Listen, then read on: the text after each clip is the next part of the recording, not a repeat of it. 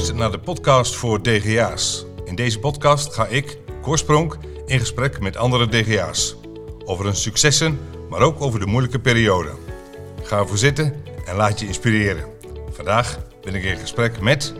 Johan Krijgsman. We zijn hier in het Van der Valk in Ridderkerk. Hotel Van der Valk Ridderkerk. Door jullie gebouwd, hoor ik net. Waal. Je bent eh, directeur en mede-eigenaar van Waal, bouwbedrijf Waal, Waal. We kennen elkaar via LinkedIn en via DGA-netwerk West van VNO-NCW. Of VNO-NCW West. Het DGA-netwerk zag je op, eh, via LinkedIn. En ehm, ik hoor dat je bent 47 jaar. Even wat, eh, wat fe- feitjes. Je woont in Schravenzanden, Schravenzande. Westland. Een relatie getrouwd. Ja, ik heb eh, een hele lieve vrouw, Hanneke. En we hebben samen negen kinderen. Kijk eens aan. Eh, hobby's. Eh, nou, ja. Ik heb een hele mooie oldtimer. Maar die staat meer stil dan ik rij. Want mijn echte hobby lijkt toch wel werken. Ja. ja. En eh, voetbalclub. Eh, geef ik niet om. Ben ik niet mee bezig. Oké. Muziek. Ook niet. Ook niet. Auto of autorijden. Ja, gewoon in dagelijks vervoer bedoel Ja. je? Eh rijk in BMW. X5 volgens mij zag ik? Ja. net op de parkeerplaats. Lees je wel eens boeken? Eh, ja, zeker. Eh, alleen ik lees niet snel, vind ik zelf. Vind ik een soort gebrek. Want ik zou wel veel meer willen lezen. En als ik eenmaal in een boek zit, is weer het nadeel dat ik hem uit wil lezen. Dus dan, eh, dan ga ik soms te lang door. We komen zo zo meteen nog even op de, op de studies uit. Ehm want je hebt wel gestudeerd. Ehm,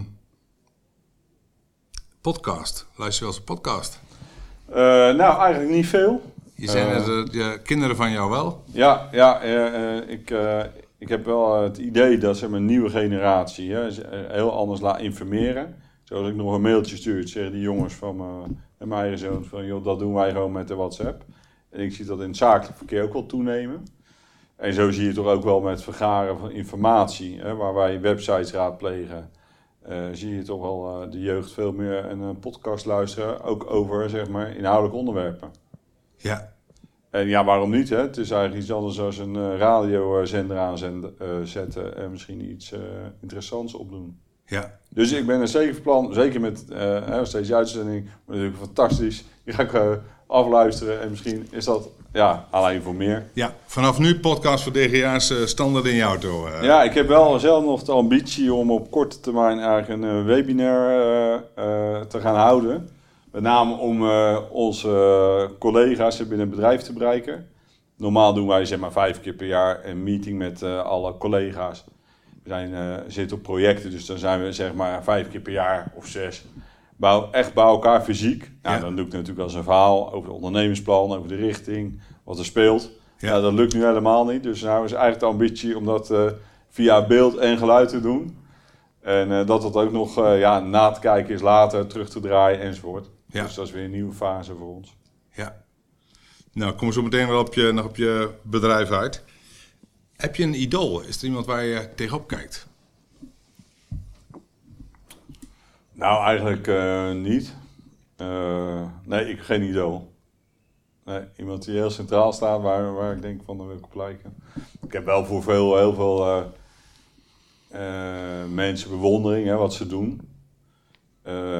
En ik heb ook voor, ja, bewondering voor de houding van sommige mensen. Dus niet allemaal wat ze bereiken, maar hoe ze zich gedragen. Dat vind ik soms eh, nog wel mooier dan zeg maar. hè, de idolen zijn vaak toch wel, die hebben veel bereikt. Ja.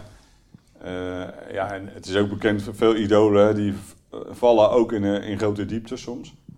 Dus het gaat niet in mijn beleving alleen om iets te bereiken. Ik heb natuurlijk wel, hè, zowel zakelijk als, als, als in privé, als in levensovertuiging wel zeg maar beelden hè, bij, bij personen.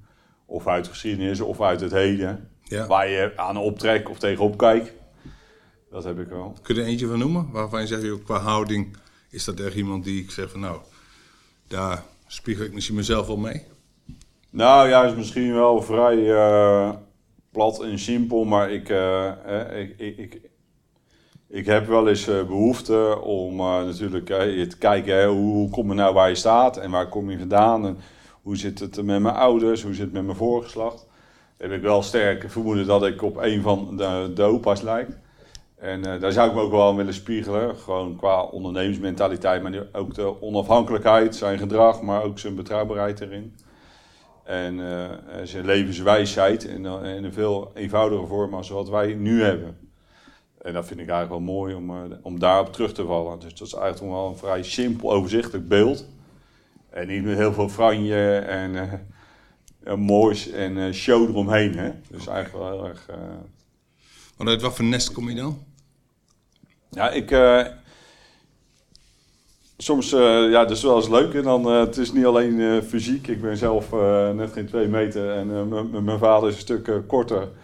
En dan zeggen mensen wel eens, joh, dat, dat, jullie naar bij elkaar horen, weet je wel. Dat is dan alleen even fysiek, maar ja, ook qua ondernemerschap. Hè. Als ik, ik heb zeer veel bewondering voor mijn vader, die één, ja, nou, ja, hij heeft vast nog wel een paar banen meer gehad, hè, zeg maar, toen hij jong was. Maar eigenlijk één aangesloten periode bij een werkgever gewoon in loondienst. Kwam op mij verschrikkelijk saai over. Dat, dat bedoel ik niet onaardig. Maar hij was dus altijd, weet vijf uur of half zes thuis. Had, uh, had dan zijn eigen dingen. Uh, eigenlijk altijd hetzelfde patroon. En dan een kleine 40 jaar lang. Daarna is hij als ZZP'er na zijn pensionering ook nog voor een habbekrats, zoals ik dat noem, uh, doorgegaan. Voor diezelfde werkgever. Dus die heeft daar nog eens vijf of zeven jaar extra van geprofiteerd. En wat deed hij, wat deed hij van werk? Uh, hij was hoofdmeet regeltechniek bij een uh, installatiebedrijf in Schiedam. En dat, is, ja, en dan vond ik wel de loyaliteit. Dat, dat, dat herken ik wel. Maar voor de rest ze, ze, vind ik het een... ja, pas helemaal niet zeg maar, bij mijn profiel. Hè, hoe hij zich gedroeg en wat hij dan ja, heeft neergezet. dus uit Welvanes kom ik. Nou, niet, ik heb niet zeg maar, het ondernemerschap maar is niet met de paplepel ingegoten in ieder geval. Mijn moeder was ja, die is een tijd huisvrouw geweest. Op latere leeftijd hè, heeft hij zich ook wel verder ontwikkeld in opleidingen en in banen. En in, vooral aan de zorgkant altijd actief geweest. Maar ja, dat is eigenlijk een vrij overzichtelijk geheel. Ik heb twee zussen en een broer. dus een vrij standaard gezin. Je bent de jongste? nee, de derde. Dus nee, niet de oudste, niet de jongste. En uiteindelijk, ja, ik heb wel uh, een mooi nest gehad in die zin. Ik, ik, ik, kijk daar zeker met plezier op terug. Ik, ik, vind er helemaal niets van. En tegenwoordig spreek je veel mensen die, die, ja, die vinden toch iets van vroeger, of hoe ze behandeld zijn, ja. of wat dan ook. Nou, maar voor jou was gewoon warm, goed. Ja, gewoon ja, prima. En uh, ik denk wel de juiste uh, moraal bijgebracht. In ieder geval, dat hoop ik. Hè, en uh, dat mensen dat ze herkennen.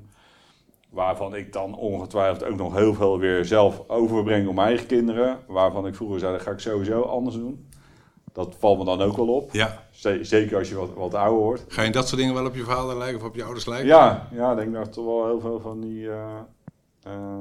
ja, van, van die zaken over heb genomen. Veel meer dan dat je denkt als je jong bent. En mijn eigen jongens zeggen ook, ik ga het zeker niet zo doen zoals u dat doet. Ja.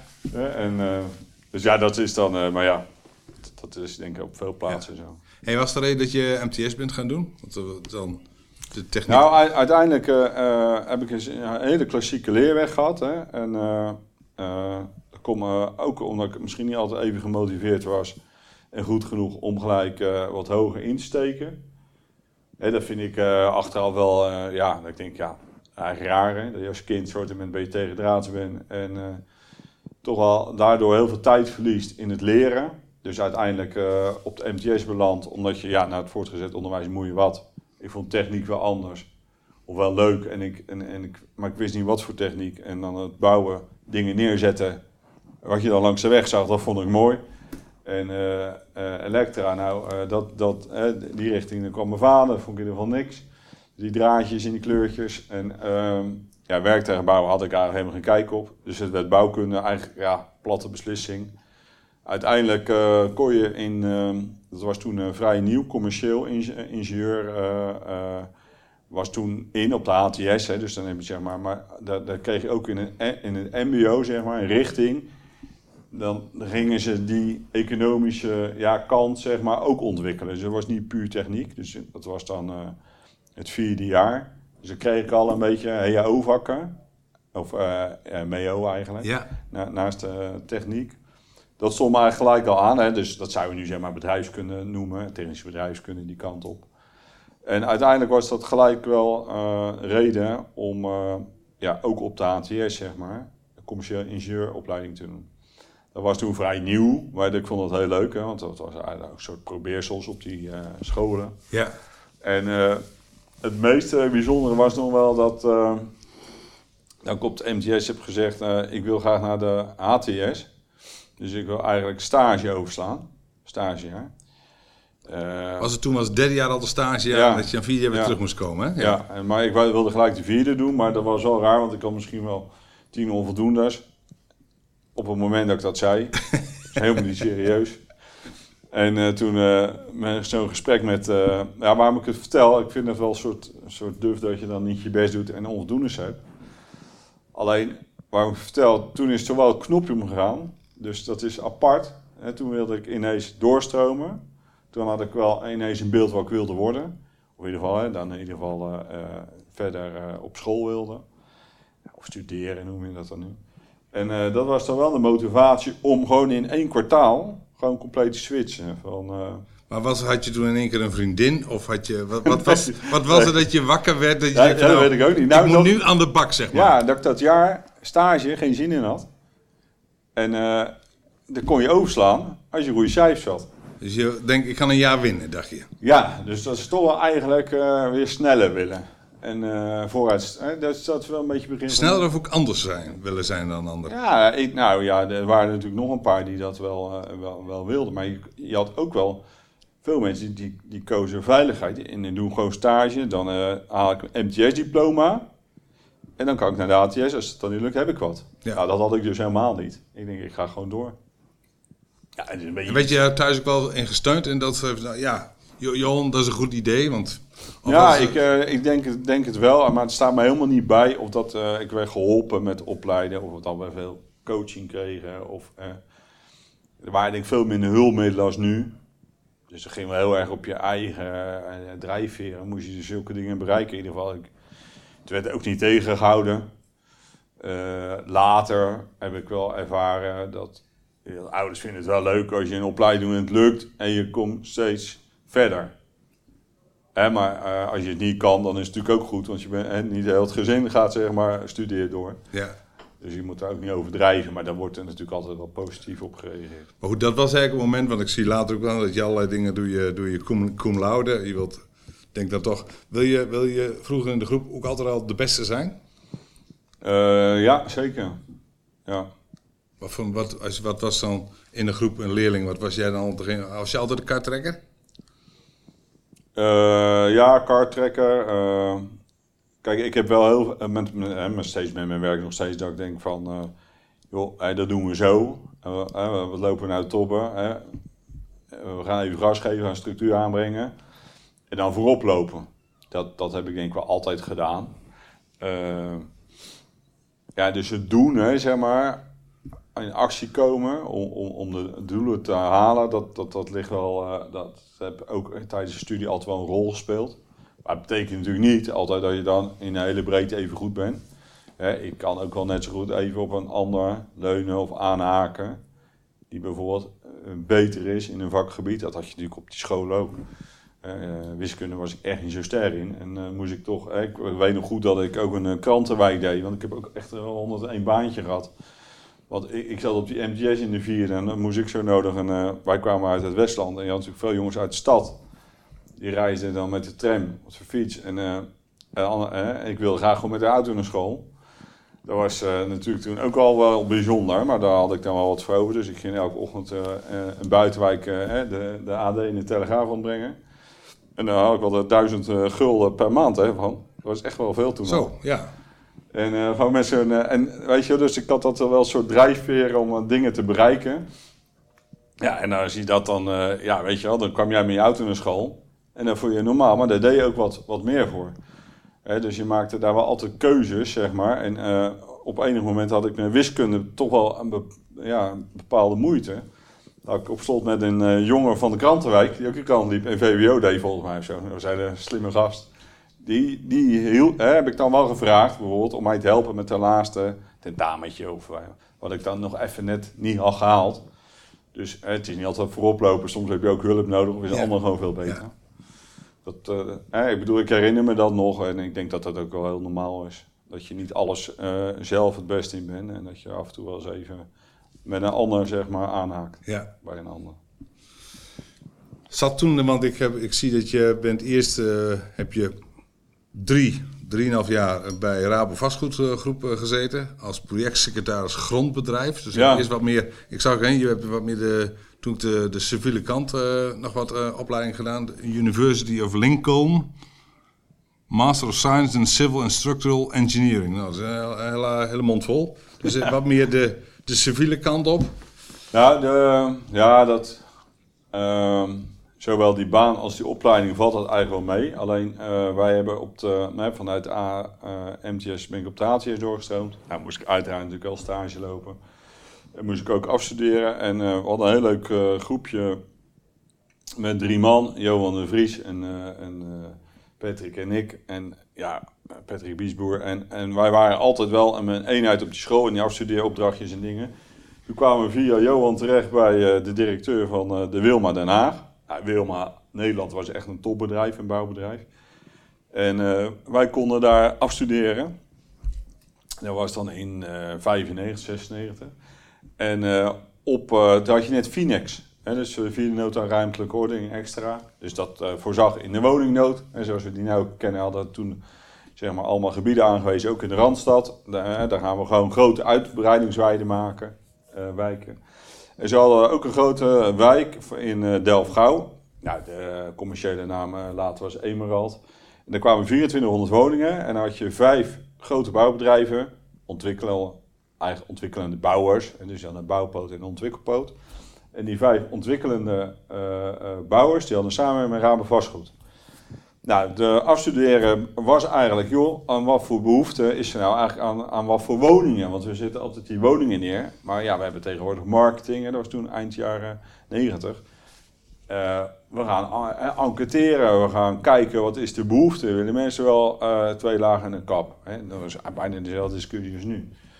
Ja, ondanks dat je nu echt wel andere woonvormen in de stad tegenkomt, hè, was het toen allemaal wat traditioneler, maar dat moest ook vernieuwd worden. Nou, wij hebben dat eh, gedaan en dan had je natuurlijk eh, die, in, in, in IT had je natuurlijk statistiek.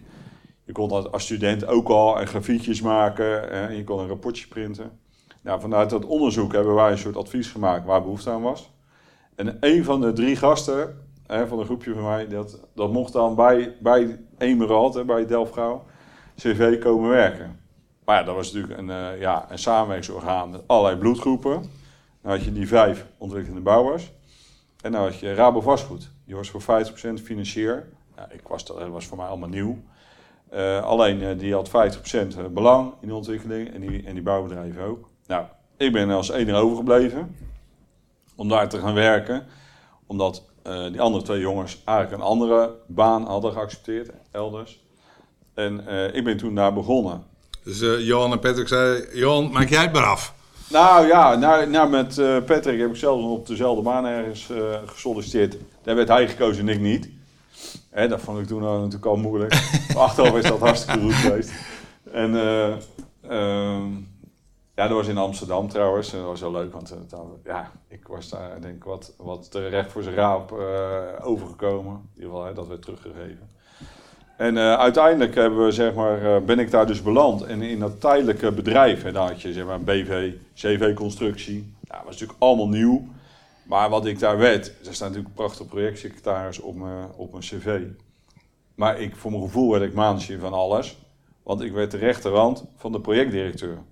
En de projectdirecteur was natuurlijk ja, een man die heel veel te zeggen had op dat project. Die werd vanuit die vijf bedrijven hè, zeg maar, ja, benoemd. En die had er dan voor het zeggen, want we hadden 2400 woningen bouwen. Van eh, weilanden naar een hele woonwijk. Dat is gewoon een hele operatie. In een soort PPS-achtige constructie met de gemeente Pijnakker. Dus ja, daar was echt enorm veel te doen. En we hadden, belanden daar ook in een boerderij. Dus ik had HTS gedaan. Ik denk, nou, dan ben je een soort ingenieur. Hè. Dat vond ik dan toch wel heel spannend toe. Hè. Nog geen eens een echte IR, maar ingenieur was het. En dan belandde ik in de boerderij. Maar wat mij daar denk ik wel aanstond, was gewoon ondernemerschap, vrijheid. Want ja, joh, eh, de boerderij was natuurlijk gekocht, was onderdeel van, eh, van die landerijen. En we zouden een projectbureau zouden natuurlijk neergezet worden, zo'n soort zo'n schottenketen. Nou, Je zat eigenlijk wel midden in de werkomgeving, zeg maar. Ja, maar gewoon, je was daar zeg maar, eh, helemaal in het prille begin was je er aanwezig bij iets heel groots. En ik denk dat ik dat wel heel erg spannend vond en mooi. En ja, ik mocht daar ook heel veel zelf invullen. Hè, dus hoe we daar gingen zitten, of dat we een bureautje hadden gehad, of dat je eh, gelijk ook een mobieltje had. Dat was toen zeg maar nog spannend. Dat had niet iedereen. Nee. Dat was allemaal geen probleem. Kon je gewoon zeg maar krijgen. En eh, ja, toen de eerste fase moest er een verkoopcentrum komen. Ja, die hadden, werd dan gepositioneerd. CDBO kunnen natuurlijk in een hoekje waar later een parkeerterrein kwam.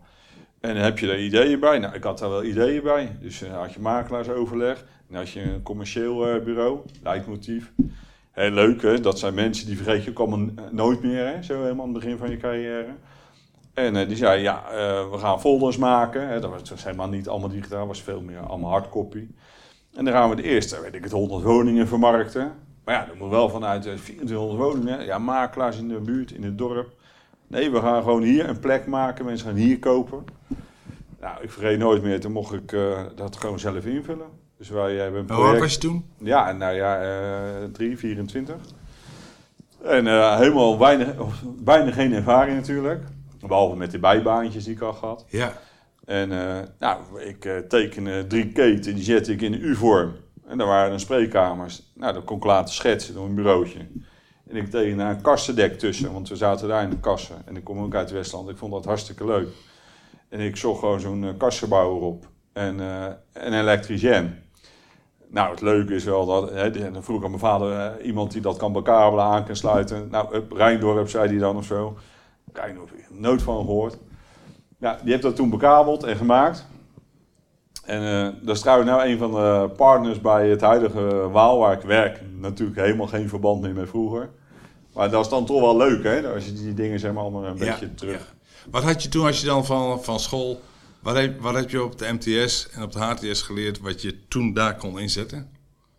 Of was, begon je bijna weer helemaal opnieuw, zeg maar? Nou ja, ik, ik, eh, ik denk, ja, nou, een stukje marketing, zeg maar de commerciële vakken, die vond ik leuk. Hè? Want, eh, want, want dat vind ik dan zelf denk ik ook leuk. Hè? Dus een, een lijn neerzetten en een merk neerzetten.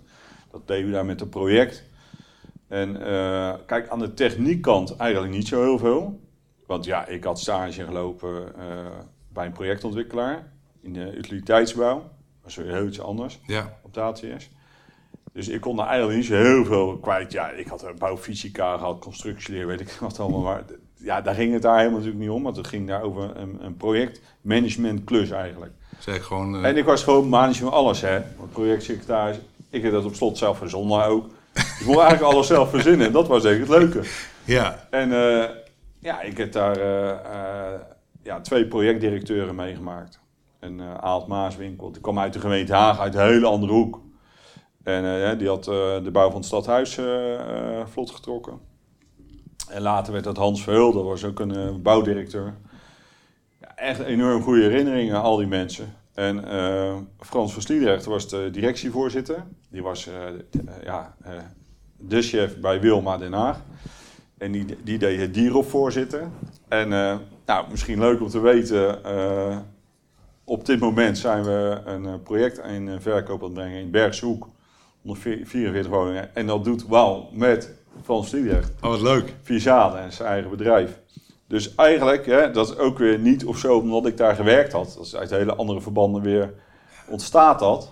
Maar toch wel, hè, dus met, met heel veel mensen, dat is wel iets wat ik iedere keer terugzie, doe je lang zaken. Wat zei? Jochie, wat ben je groot geworden? Nou ja, dat weet ik niet. ik heb een goede verhouding met hem. En, eh, ja, wij hebben daar, eh, we hebben nu samenwerking en samen een bedrijf. Maar dat kan je zeg maar, op dat moment niet bedenken. En hij, hij deed de directie overleggen. En nou ben ik zelf natuurlijk wel eens voorzitter in het managementteam of in de directie. Maar ik vond dat ja, toch wel heel spannend als zo'n man, hè, wat hij deed. Maar ik was een notulist, hè. En ik heb eigenlijk eh, een broertje dood aan eh, schrijven. En ik heb zoveel notules als eh, ik heb gemaakt in die kleine vier jaar. Ik deed stedenbouw notuleren, civiel overleg. Ja, alles. En, en, en, en eigenlijk niks voor mij. Dus hè, want ik ben wel ondernemend en ik, ik denk wel dat ik het leuk vind om ook leiding te geven. Maar ik kan ook wel heel goed, hè, dat, dat film ik dan wel eens voor mezelf terug, gewoon voor een, een werkgever werken. Want ik was daar toch wel, ja, moet je zeggen, ik, ik moest wel heel veel service verlenen. Ja. Ik moest heel veel schrijven, ik moest heel veel natrekken. Maar heb je daar ook niet, daardoor ook niet al die facetten, dat allemaal in de toelen moest je natuurlijk uiteindelijk een beetje netjes opleveren. Allemaal doorlezen wat, er, wat je schreef. Ja. Dat je eigenlijk van al die aspecten best wel heel veel dingen geleerd hebt. Ja, ja, achteraf zie je dat pas. Ja. Ik, heb, ik ben eh, zeg maar in, eh, op een hele jonge leeftijd eh, enorm breed ontwikkeld. En ik, ik heb tot op de dag van vandaag gewoon nog een soort voordeel soms dat ik dat heb gedaan. Want eh, veel eh, ja, personen zien natuurlijk in de bouw maar een, ja, een, een stukje van de puzzel. En ik zag daar eigenlijk bijna heel de puzzel. Ja. En, en, en het is natuurlijk, nou ja, dat, niet dat dat netwerk je verder hebt gebracht, maar je, je, je kreeg natuurlijk wel een vrij groot netwerk. Want er zaten toch hele grote spelers bij. ja. Hoe ben je uiteindelijk bij Waal terechtgekomen? Nou, dat zat zo. Op slot eh, zaten we op de. We zijn uit die boerderij in een, eh, heel, eh, in een eh, echt ketenpark gekomen. Echt kantoor. We gingen echt mensen aannemen. En we- het steeds professioneler. En eh, op slot eh, waren we in fase 3. Je had vijf fases. Is gek hè, dat je dat allemaal nog weet. Weet het aantal de woningen. Waren rond de 1500ste woning op papier aan het ontwikkelen. Een Dura of een Wilma of een ABG. Een van die, van die ontwikkelaars mocht dat dan invullen. En dan, eh, dat werd natuurlijk allemaal verdeeld. En er werd dus zeg maar een beetje gevochten met, met, met de bouwpoot. Maar eh, ja, nu achteraf denk ik, ja, dat eigenlijk waren dezelfde bedrijven. En dan kwamen ze eruit, gingen die woningen in verkoop. En op slot zag een soort eh, ja, ja, herhaling van zetten. En eh, soms ben ik te snel verveeld. Hè, want het geeft soms indruk bij mensen ik misschien dingen niet helemaal afmaak. Maar daar heb ik het gezien. Ik denk dat dat toen ook was. En dus na 3,5 jaar, toen hadden we, zaten we in fase 3 langs de OV-zone. En dan gingen we weer zo'n weer zo'n deelplanontwikkeling. Eigenlijk copy-paste. Want de verkoop liep toen als een speer in die jaren. En, eh, nou, denk, ja, en het eind was in zicht. Hè. Bij stedenbouw waren we aan het vergaderen over fase 5. Alle grondverwervingen waren afgerond. Ook alle moeilijke klussen. Ja, ik had er wel gezien hoe het werkte. En eh, uiteindelijk eh, had ik ook wel natuurlijk voor mezelf een beeld van... eh, ja, ik wil niet zeg maar als een projectsecretaris, dat is natuurlijk überhaupt geen rol, maar in de verlengde daarvan bij een van die bedrijven verder gaan. Het was wel zo, echt superleuke mensen, allemaal. Er zitten ook nog heel veel in het werkveld, die zie ik ook nog wel eens. Ik mocht volgens mij overal komen, bij al die aannemers kon ik beginnen. Ik denk, dan word ik ook zo'n mannetje, een van de honderden in zo'n groot corporate bedrijf. Ik denk, dat is een hele weg omhoog te klimmen, want dan zou jij zeggen, waarom dacht je zo? Dat weet ik ook niet. Ik wilde zeker wat worden en leiding geven. Wat het is, weet ik ook niet, maar dat heb ik wel altijd gehad. En dat was zeker toen wat sterker ontwikkeld. Want ik denk, ja, anders krijg je nooit echt iets voor te zeggen. en dan kun je ergens je stempel op drukken. Eh, uiteindelijk heb ik dat, ik denk, omgezet in een keuze. Van, joh, ik ga wat anders doen. En dan eigenlijk heel bijzonder, toen kwam er een advertentie langs. Nou, bijna voel je oud worden, want het is wel heel ouderwets klinkt. Hè? In de Telegraaf, geloof ik. Op een vakantieadres zat ik. En dan vroeg eh Anne Sterren, verenigende bedrijven. Ik had er nog nooit van gehoord. Die vroegen eh, high potentials voor in de kweekvijver van eh, het bedrijf om in potentie binnen vijf jaar directeur te worden. Nou, ik geloof dat helemaal. Ik denk, nou, dat kan ik makkelijk. Nou, helemaal natuurlijk niet weten waar ik het over had. Maar gewoon een brief geschreven. Daar zat toen al een, eh, eh, een soort selectiebureau tussen. Dan mocht je daar eerst mee in gesprek. Vervolgens met nog een andere persoon, een soort coach, die aan, eh, aan de Sterren Verenigde Bedrijven hing. En daarna ging je mensen bij aan de Sterren zelf spreken. Nou, dat ging eigenlijk allemaal heel vlot. In een paar weken achter elkaar. Toen vond ik het nog best moeilijk om... Kon je wel verstaan eh, uit eh, Twello? eh? ja, dat ging, ja? Ja? dat ging wel heel goed. Want uit- ja, uiteindelijk, ja, weet je wel, we hadden in een meer of zo, heb ik geloof ik wel eens langs de weg zo'n sollicitatiegesprek gehad. En op slot moest ik natuurlijk wel een keer naar Deventer. Hè, daar zat het hoofdkantoor. En ook gesprek met Anton Anestergen, de founder van die holding. En ja, ik vond al best wel eh, een, eh, stroef gesprek. Want ik dacht toch wel dat ik al heel veel wist. En er werd mij wel wijs gemaakt, joh, je weet nog niet veel. Maar je mag het bij ons laten zien. En je moet vooral wel zelf regelen. Ja, dat laatste stond me wel weer aan. Dus ik ben naar het tweede gesprek ben ik teruggereden. Toen heb ik gezegd, joh, ik heb hier een arbeidscontract. Er staat in wat ik wil verdienen. En ik wil die en die auto en ik doe die en die opleiding. wil ik ook afmaken. Ja, en eh, toen eh, werd er wel gezegd, nou, je doet wel, we hebben hier ook wel een format arbeidscontract. Hè, ze vonden het wel, hè, maar ik had het wel heel letterlijk opgenomen. Je wilt het zelf regelen. Ja, en, eh, want je werd, dat heet het aannemersschilder, hè, zo, dat zo was het gelabeld. En je werd een gezel, weet je, in die idee van vroeger. En Ja. kreeg je een leermeester en kon je opklimmen. Nou, ja, eigenlijk fantastisch. Hè? En ik, ik vind het nog steeds een supergoed idee, hè? hoe dat toen ook is, ja, zeg maar, eh, hoe, hoe, hoe je geprikkeld werd om echt boven te komen drijven. Want daarna had je, werd je gewoon geselecteerd en was gewoon een groep van 20 man of zo. En jij was de een van de 20. En, maar je was, toen was je aangenomen, was je natuurlijk voor je gevoel heel wat. Want dan was, je in die kweekvijver. Maar vervolgens werd je eigenlijk gewoon aan je lot overgelaten. Want het verhaal was, je moet voor jezelf zorgen. Als je ondernemer bent, ga je zelf je werk regelen. Dat kan bij een van de 20 bedrijven. Ga maar zorgen dat je ergens een klus krijgt. Nou, ik woonde dus in het westen, dus ik kwam al heel gauw. eh, ja, de verleiding was natuurlijk alleen maar in je eigen omgeving te kijken. Dus ik kwam alleen bij Waal terecht, dus een van de weinige bedrijven in het westen van Nederland. Nou, Moest je toen nog geen concurrentie nog met andere, andere Nee, high potentials? Nee, Nee? nee? want die zaten allemaal eh, niet in, eh, in eh, deze zone. En, eh, dus, dus ik kon naar Van der Waal. Natuurlijk keer langs gereden, want ze in Vlaardingen. Niet wetende dat ik ooit bij Van der Waal op gesprek zou gaan. Ik ben in Vlaardingen geboren, heb er niks mee te maken, maar familie in Vlaardingen. Weet je, is wel een naam, O van der Waal. Sterker nog, ik heb een tijdje op een school in eh, Rotterdam gezeten. Zat ik bij Henk van der Waal, zoon in de klas, Lucas. Heb er ook nu niet meer mee te maken, maar is wel heel toevallig. Want daar had je natuurlijk wel van, mijn vader heeft een bedrijf en dat groeide en dat groeide. En, eh, maar, hè, want dat is eigenlijk eh, ja, zo groot geworden dat op slot hè, is dat eigenlijk ook de ondergang geworden in 88. En toen is Aan de ingesprongen. Hè, dus die heeft dat als deelneming toen overgenomen en de garanties overgenomen. En zo, hè, dus elf jaar na dato, want dat was in 88 en ik kwam in 99 op gesprek, zat ik bij Waal. En eh, nou, ik zeg, joh, ik ben een soort, eh, zo'n stagiair vanuit Deventer. Ik wil graag eh, het vak uitvoering leren. Want het idee was dat je alle rollen ging doen. En ik denk, joh, ik heb nou zo lang zitten notuleren, die half jaar. Hey, mij zo'n, eh, zo, zo, zoiets buiten. Nou, toen eh, andere Vinex, Wateringse Veld, kon ik beginnen als, ja, ik zou nu zeggen, deeluitvoerder. Dat is veel te hoog gegrepen. Ik was natuurlijk gewoon, ik wist helemaal van niks. Dus ik werd daar bij een hoofduitvoerder neergezet. Op, ik geloof 200 woningen, was echt een grote klus. Nou, ik denk, nou, dan, hè, dan zit ik gelijk bij de hoofduitvoerder en dan mag ik gelijk interessante dingen doen. Maar eigenlijk moest ik, ik had natuurlijk helemaal leren wat het vak bouwen is. Dus ik kreeg allemaal kleine klusjes. Ik kreeg onder andere een klusje tegelwerk nameten. En nou, ik dacht echt, wat een idioterie. Dus we hadden dan een, en dan bouwde die hoogbouw, had je 80 dezelfde appartementen voor een corporatie.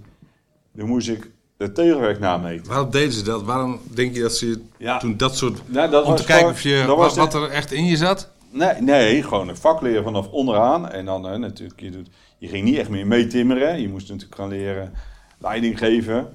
Hè, want dat is dus uitvoering is gewoon leiding, geven. Je moest dingen organiseren. En uiteindelijk, ja, ze wilden toch wel even kijken omdat die tegelzetten niet te veel betaald had gekregen. Want je nam het aan van een tekening en dan meet je het gewoon na. En is wel eye-opener voor me geworden. Want ik heb al die badkamers en tegels en de wc's nagemeten. En verrek, eh, we kregen een verrekening. Er zat toch nog wat minder werk op tegenwerk. Dus dat betaalde zich dik uit. Maar ik vond dat zo'n idiote baan. En hoe, hoe groot was Waal toen? Ja, waal. Eh, in, in omzet gemeten of Ja. in mensen?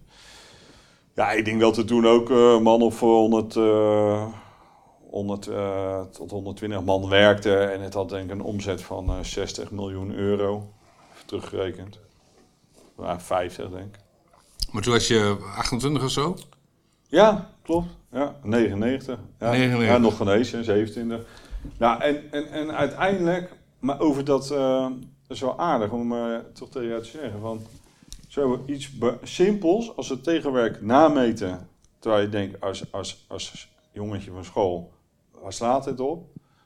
Maar gewoon, dat was toch wel ook heel leerzaam, want uiteindelijk kwam er iets uit te verrekenen. En die onderaannemer vond dat ook prima, hij had ook minder gelijmd.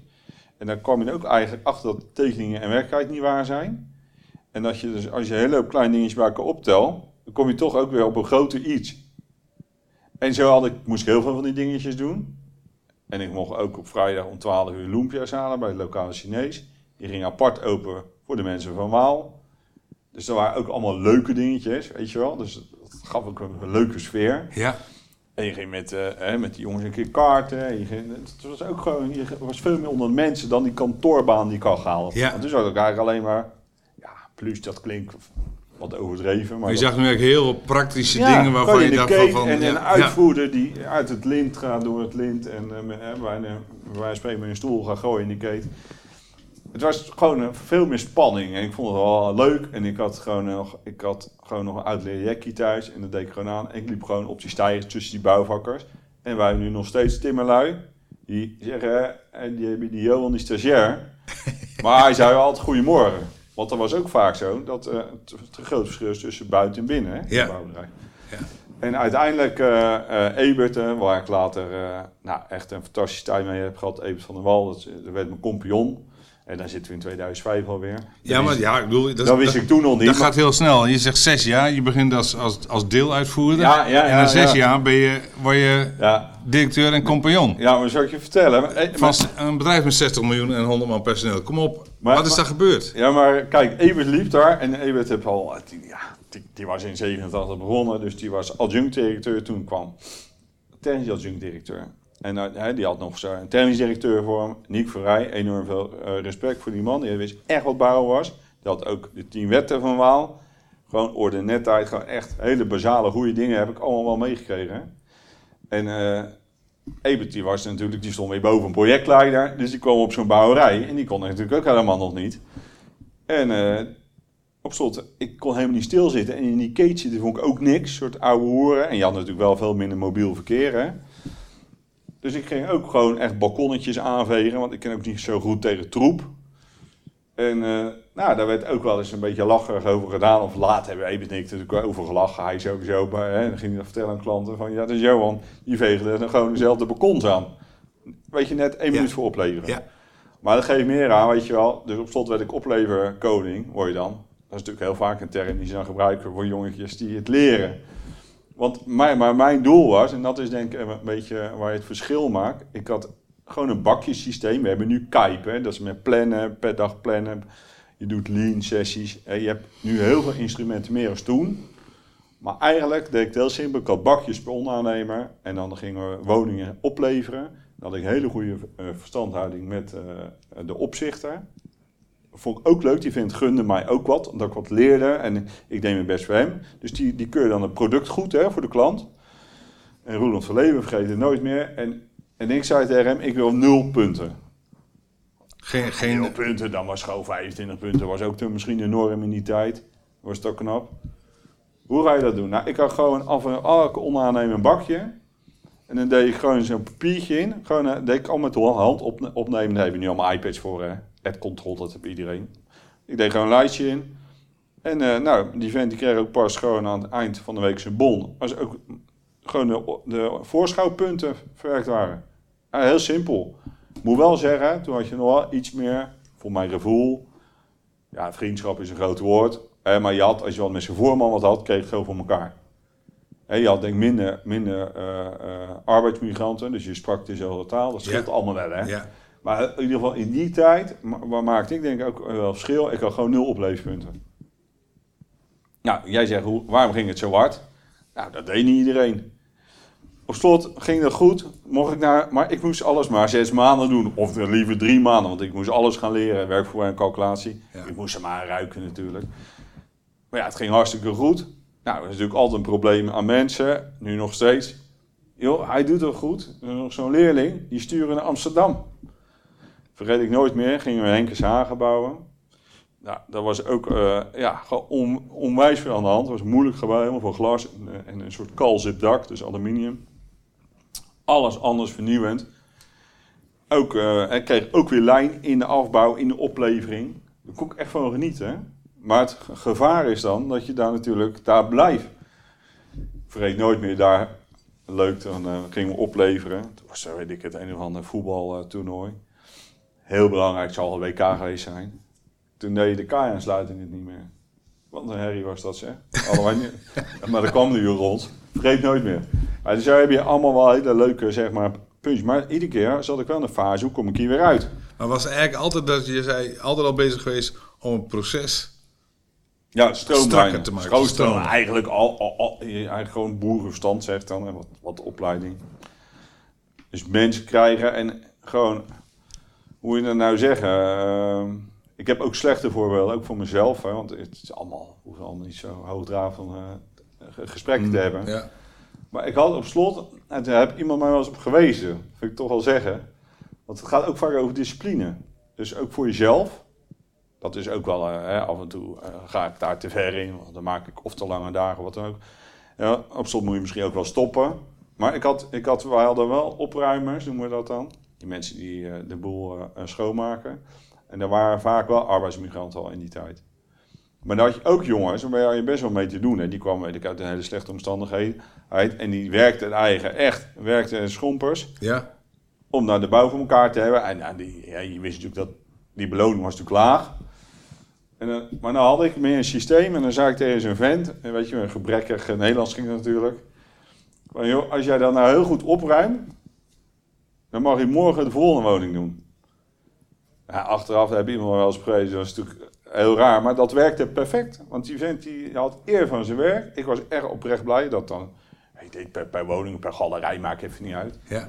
Maar gewoon dat je zeg maar een soort door regel en, en discipline en, en eh, die mensen bij betrekken, ja, dat je dan toch wel veel voor elkaar krijgt. En dat, ja, ik denk dat hè, dus mensen stimuleren zelf ook iets mee te krijgen van het, dat het elke dag iets beter kan. Dan kom je denk ik wel eh, verder mee, maak je ook soms onderscheid mee. Ten opzichte Ja, van eh, eh, de huidige garde natuurlijk. ja. En wat voor mensen had je, had je weinig invloed op? Of kon je niet tot doordringen? Wie, wie kreeg je niet mee? Kreeg je als mensen niet mee? Ja, dat, natuurlijk heb ik dat ook vaak en nog steeds. En uh, Joma ook vaak gehad. En in, maar in die fase, ik ben er wel achter gekomen. Als, als jij niet aangeeft dat je, dat je dat niet pikt, dan, is het gewoon, dan wordt het nooit meer beter. Dus je moet wel de confrontatie aangaan. Hè? eh, ja, niet of zo eh, met de botte bijl erin of zo. Maar je mag misschien wel eens wat meer op je strepen staan. Hè, je kan allemaal een harmoniemodel nastreven, maar ik, dat, dat werkt niet altijd. Nee. Als dat werkt, is het perfect. Maar ik denk wel eh, dat je ook iets mag verwachten van anderen en dat ook uit moet spreken. Kijk, denk, heb je ook wel hè, vaak de andere kant, hè, want dan hadden wij ook natuurlijk, hebben we later ook last van gehad. Als je de lat hoog legt en waar er iedereen overheen springt, dan heb je ook mensen die dat misschien niet redden. En ja, dan, het gevaar daarvan is weer hè, de andere kant. Dat men zegt, ja, je ver- verlangt te veel van mensen. Ja, en als je niet past, functioneert, ja, dan word je, kun je ophoepelen. Hè, dus je, je zit altijd op een dunne scheid zijn. Hè? Waar, Ja. waar doe je het nog goed? Haal je het maximaal uit mensen. En waar vraag je te veel? Of moet je een ander in zijn kracht zetten op een ander front? Hè, dat leer je wel, vind ik, als je ouder wordt. Ik was heel resoluter in 15 jaar geleden dan nu. Ja. Dan heb ik nu eh, denk ik wel wat meer een soort stuurmanskunst van... nou Ja, ik kan het beter oh, via een omweg doen. ja. Maar goed, 2005 word je, word je al directeur. Weet je toen Nou nog ja, een, ik een compagnon of dat nog niet? Ja, ik zal eh, twee eh, zinnen aan eh, besteden, is nog voor jou. Want hoe kwam je nou vanuit die uitvoering dan op kantoor? Toen ben ik teruggegaan naar, eh, aan de eh, Sterren, naar het hoofdkantoor. Die hadden echt voor die tijd, hoor, zij spreken over 2000. Hè, dat was, ik had er een beetje een jaar op zitten. Echt spraakmakend programma. In, eh, dat heette Bouwtaak.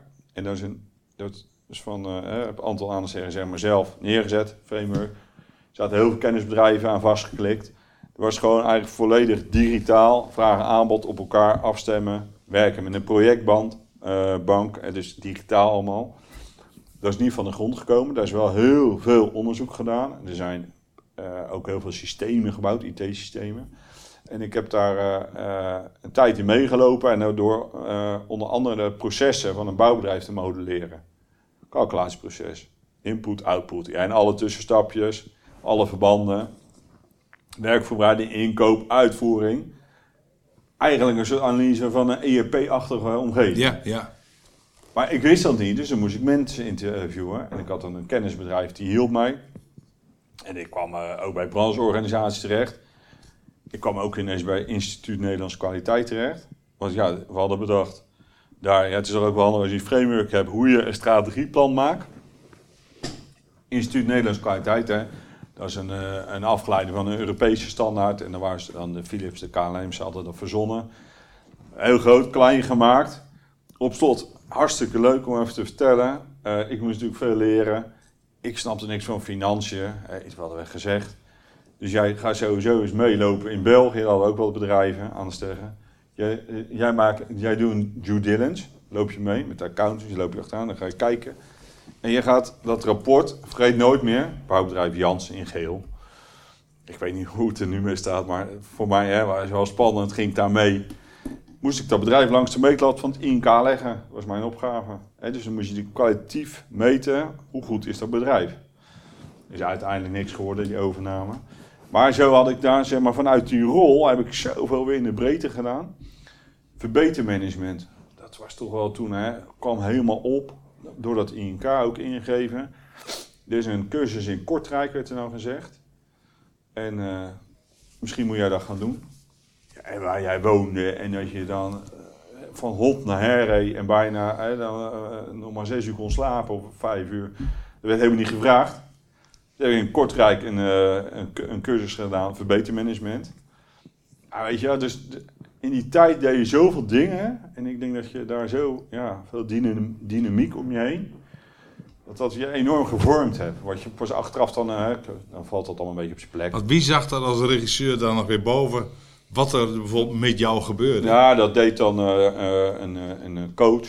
Die was verbonden aan, eh aan. Dus daar, daar, daar sprak je één keer per twee maanden mee. En incidenteel had je daar wel eens met mensen van de holding te maken. Maar eigenlijk ook best wel op afstand. Hè? Dus er werd ook wel eh, weer heel veel aan jezelf overgelaten.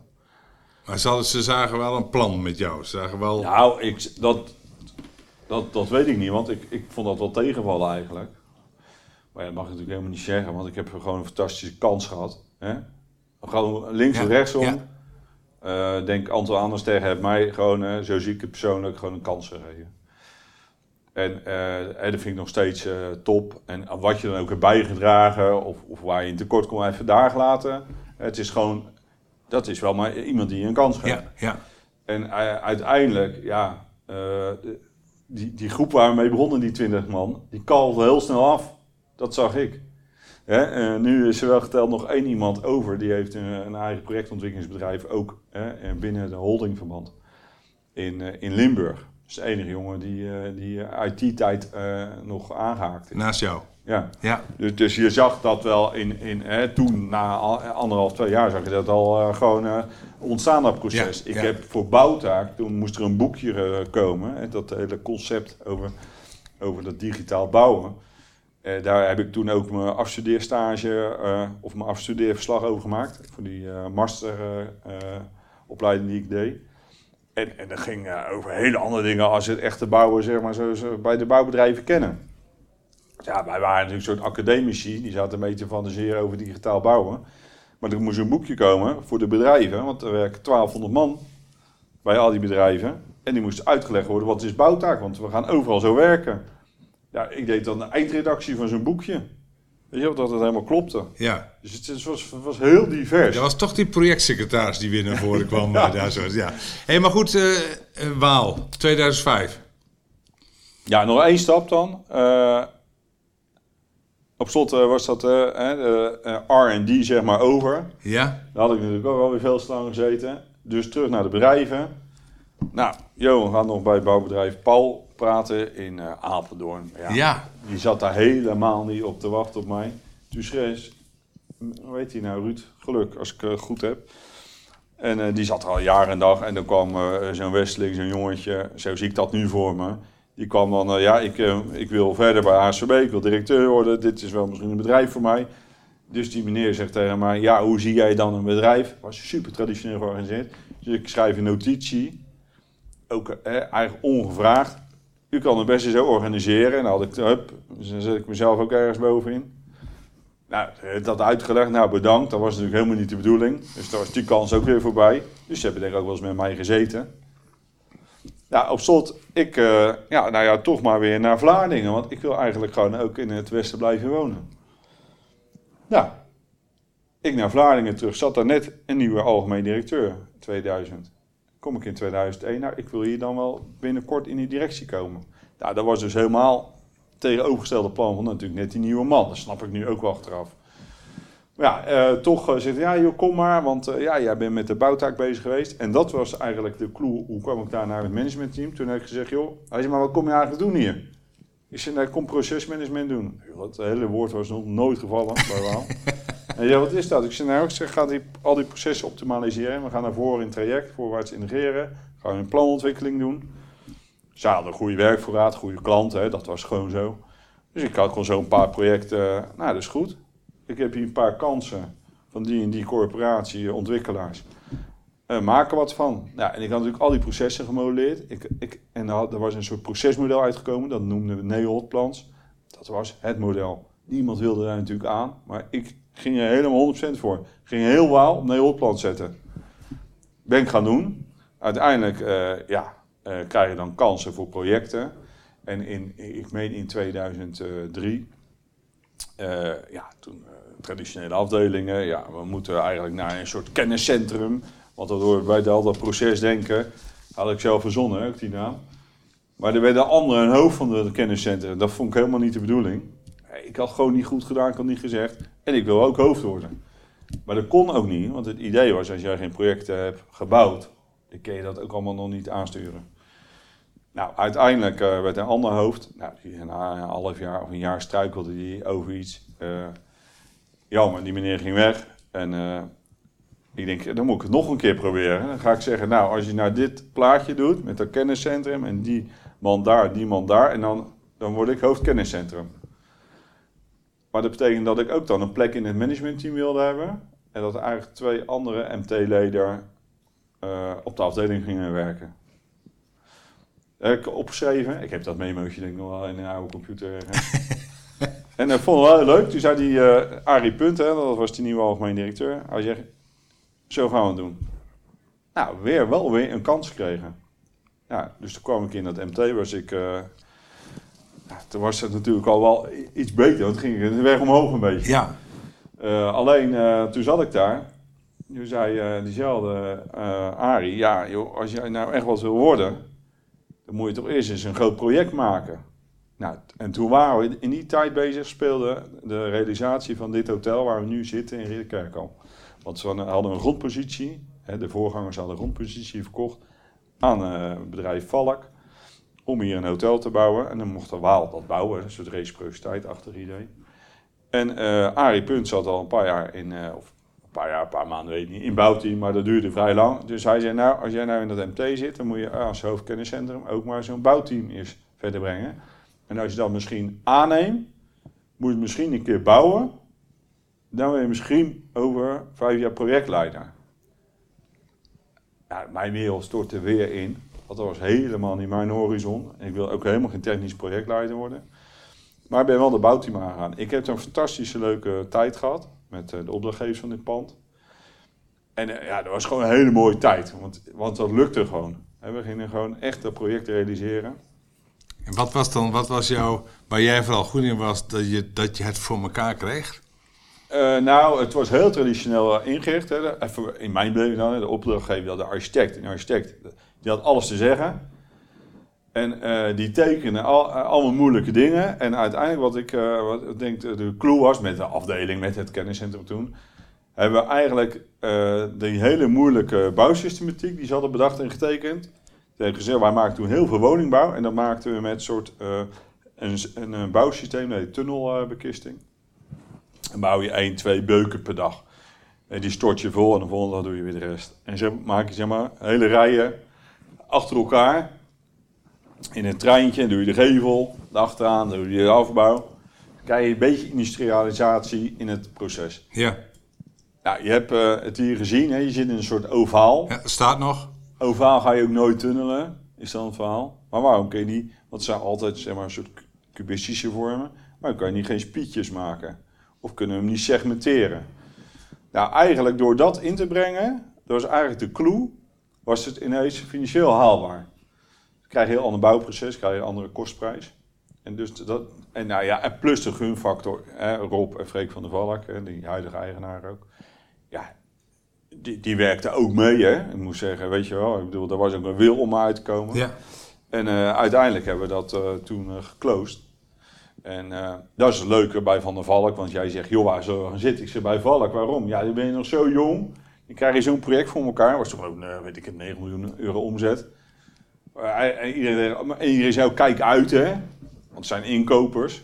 Nou, ik, dat, moet ik zeggen, ik zag toen veel minder gewaar als nu. Soms ook wel eens makkelijk. Ja. En toen hadden we het afgerond, toen zei Rob, hè, dus die eigenlijk, uh, ja, die zat uh, in mijn beleving in de drive sheet. Jij moet ook nog naar mijn broer Martin in Al van der Rijn. Ik naar Al van der Rijn, ik naar Al van der Rijn, oké. Met zijn broer, dat is natuurlijk zijn familiebedrijf. Hé, hey, maar uh, een kuub beton, dat gaan wij niet betalen aan jou. De kennis dan we afgesproken hebben met jou. Nou, toen zakte ik wel door en denk ik, we nou weer helemaal opnieuw. Ja, toen, uh, ik weet niet hoe ik daaruit uh, gekomen ben, maar ik heb wel gezegd dat die beton beton bleef en dan niemand zo goedkoop kon leveren. toen heb ik nog een lesje gehad, sinaasappels inkopen voor uh, zo'n ja, concern als Valk.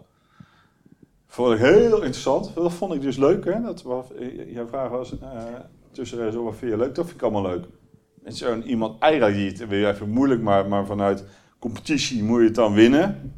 Of vanuit, vanuit zekerheden of vanuit kennis. Dat, ik denk als ik vanuit weet waar ik mee bezig ben en kennis kan ik denk ook iets goed verkopen.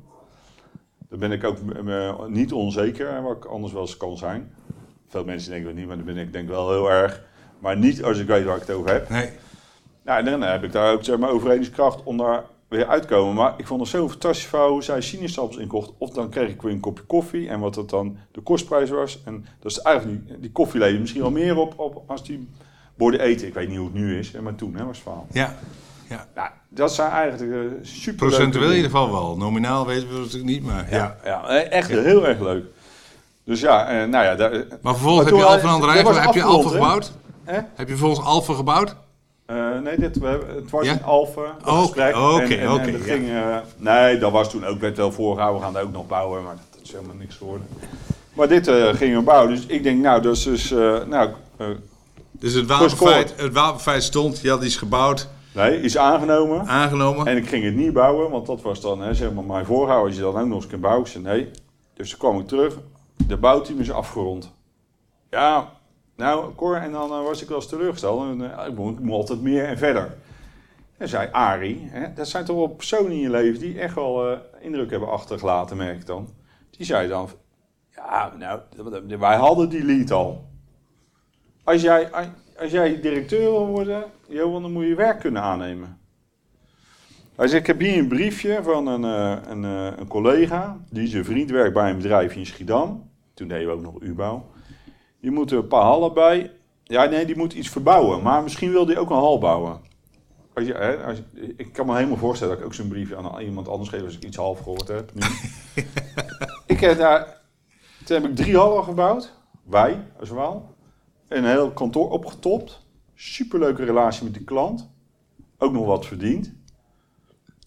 Nou, en en dat was wel, hè, want dat, dit, dit was zeg maar de aanloop, dit hotel. Maar dat was dan wel echt wel helemaal uit.